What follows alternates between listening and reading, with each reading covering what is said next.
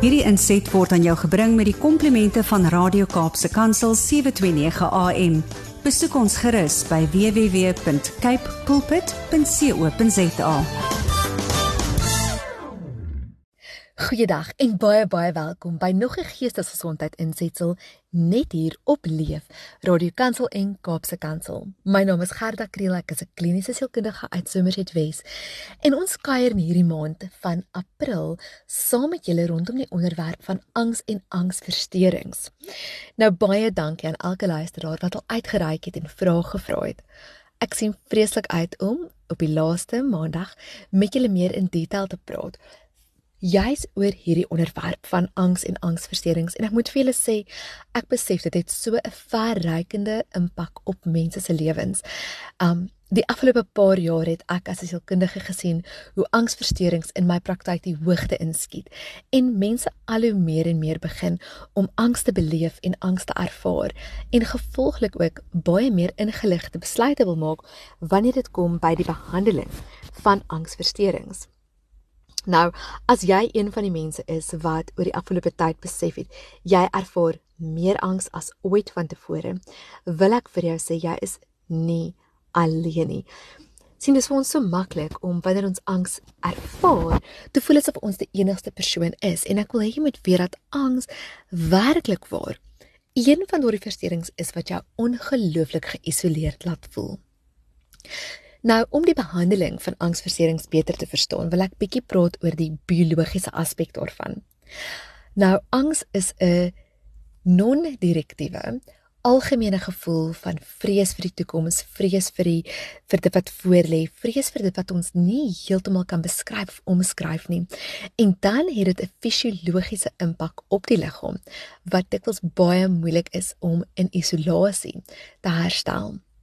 Nou in die oertyd toe ons in die wild gewoon het en baie meer afhanklik was van ons liggaam se natuurlike meganismes om vrees en vreesvolle ervarings te oorkom, het ons 'n veg of vlug respons ontwikkel. En daardie veg of veg of vlug respons is uiters funksioneel. As 'n leeu op jou aangestorm kom of daar is 'n groot oorlog op pad, moet jy kan veg in die gesig van die gevaar of jy moet daarvan kan wegkom.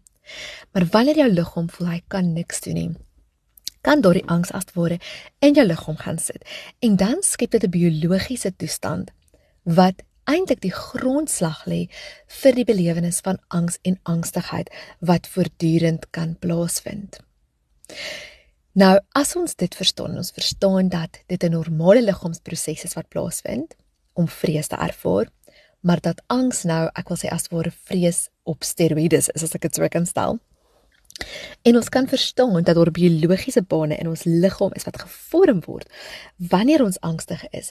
Dan is dit tog belangrik om te besef dat die behandeling van angsversteurings nie net suiwer praatterapie kan wees nie.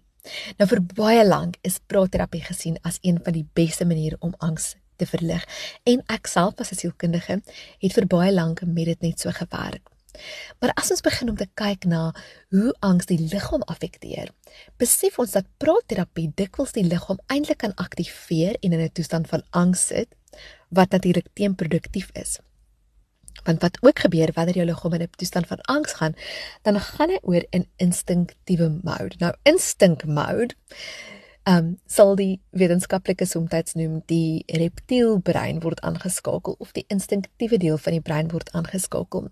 Maar wat dit in kort beteken is dat die Here vir ons ingebou het in ons brein dat wanneer ietsie lewensgevaarlik is, ons nie nog moet energie of tyd mors met die kognitiewe prosesering daarvan nie. Nee, ons moet reguit na ons instinktiewe brein toe gaan wat ons liggaam dan gaan aktiveer. En dis fantasties wanneer daar 'n ware gevaar is. Maar wanneer die gevaar nie eintlik daar is nie, wanneer dit 'n 'n praat van 'n sneller ervaring is, dan kan hierdie instinkte eintlik ons pogings om beter te raak kortwiek.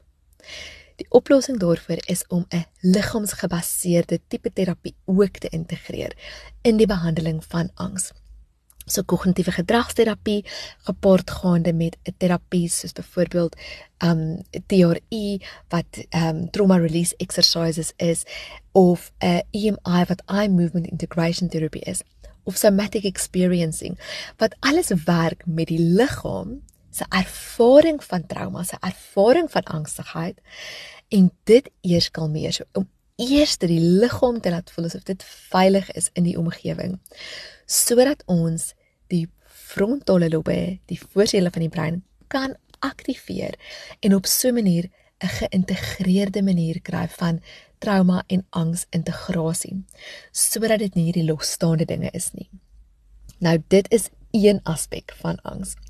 Besturing, die besturing of behandeling van angs. Ons weet ook dat dit baie belangrik is om te weet dat sekere kosse angs kan vererger, so 'n toename van suiker en baie verwerkte kosse kan in jou liggaam dieselfde effek laat ontstaan soos angs en dan is dit belangrik om te weet jy moet op jou dieet let. Alkoholgebruik, alhoewel dit dikwels gebruik word deur mense wat angs beleef om hulle angs minder te maak, het nuwe studies verlede jaar uitgekom wat wys dat die tekort van alkohol in die brein van iemand wat alkohol gereeld gebruik en ek praat nou nie van problematies gebruik nie, ek praat van sê net maar elke dag 'n glasie drink of elke paar dae 'n glasie drink. Die kortisol vlakke in waar die mense se liggame verhoog en sodoende ook hulle ervaring van angs verhoog. So dink mooi, is alkohol werklik die heel beste manier vir jou om met jou angs vrede te maak? Nou kan ek ook sê dat medikasie 'n wonderlike rol kan speel in 'n persoon se lewe wanneer dit kom by die behandeling van angs en dat daar sekere medikasies is wat werklik waar gebruik kan word. Ek sê altyd vir my kliënte amper soos 'n 'n floating device. Wanneer jy 'n kind leer swem, trek jy vir hom 'n polyotter of 'n chuppie aan. En die idee is nie dat die kind eendag 30 jaar oud gaan wees en steeds met 'n chuppie of 'n polyotter swem nie. Nee. Soos wat die kind se swemvermoëns beter raak, hulle beter coping meganismes aanleer dan kan jy stelselmatig daardie choopie afblaas en hulle gaan uiteindelik op hulle eie kan swem. En dit is die rol van medikasie in die behandeling van angs. Dit help 'n persoon om te voel of hulle kan cope sodat hulle in terapie kan werk met die snellers, sodat hulle in terapie kan die vordering maak wat hulle nodig het om te maak om uiteindelik die angs te oorkom. Niemand hoef met 'n toestand van kroniese angs of vrees saam te leef nie. Jy ook nie, liewe luisteraar, en as dit jy is, wil ek vir jou sê jy kan vrykom daarvan. As jy iemand is wat geweldig sukkel met angs en jy wil baie graag so gou as moontlik hulpbronne daarvoor kry, besoek gerus www.sadag.org.za.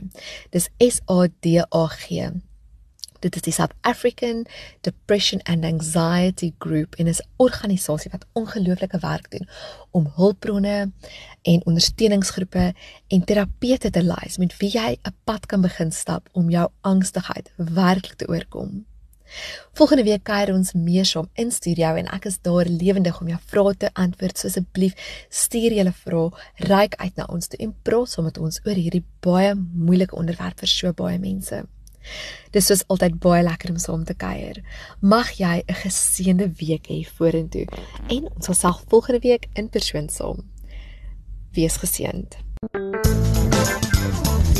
Hierdie inset was aan jou gebring met die komplimente van Radio Kaapse Kansel 729 AM. Besoek ons gerus by www.cape pulpit.co.za.